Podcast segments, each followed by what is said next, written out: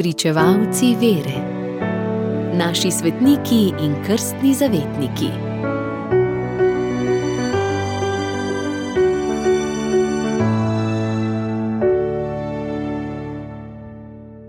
Danes zgoduje sveta Lidvina, trpinka iz ljubezni do Boga. Umrla je leta 1433. Vaše poslanstvo je v tem, da se žrtvujete za druge, da delate pokoro za storjene grehe in da dejavno ljubite na najbolj vzvišen božji način. Tako je današnji svetnici, katere ime pomeni veliko trpeti, prigovarjal njen duhovni voditelj in ona si je njegove besede vzela k srcu. Prej je nad svojo brezupno usodo jokala, potem pa je svojo voljo popolnoma podredila božji volji in premišljala Kristusovo trpljenje, in ob njegovem se je njeno zdelo neznatno. S Kristusovim trpljenjem se je čutila tako povezano, da je priznala, da ne trpi več sama, marveč Kristus trpi v njej.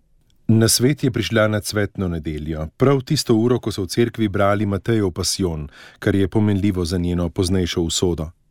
Starši in bratje so s ponosom gledali, v kakšno lepotico se je razcvetela njihova hči oziroma sestra, začeli so se oglašati prvi snubači, tudi ko je šlo za res, je Lidvina staršem povedala, da prav nič ne misli na možitev.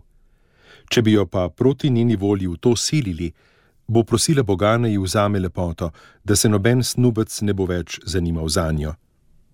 In poslej je starši niso več silili, naj se poroči, Lidvina pa je živela bolj zase.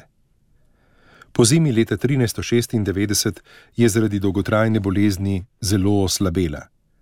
Ko se je nekoliko okrepila, so jo prijateljice povabile, naj gre z njimi na drsališče. Po nerodnosti ene izmed deklic je Lidvina tako nesrečno padla, da si je zlomila rebro. Nesli so jo domov in jo položili v posteljo. Bilo je na svečnico 2. februarja leta 1396.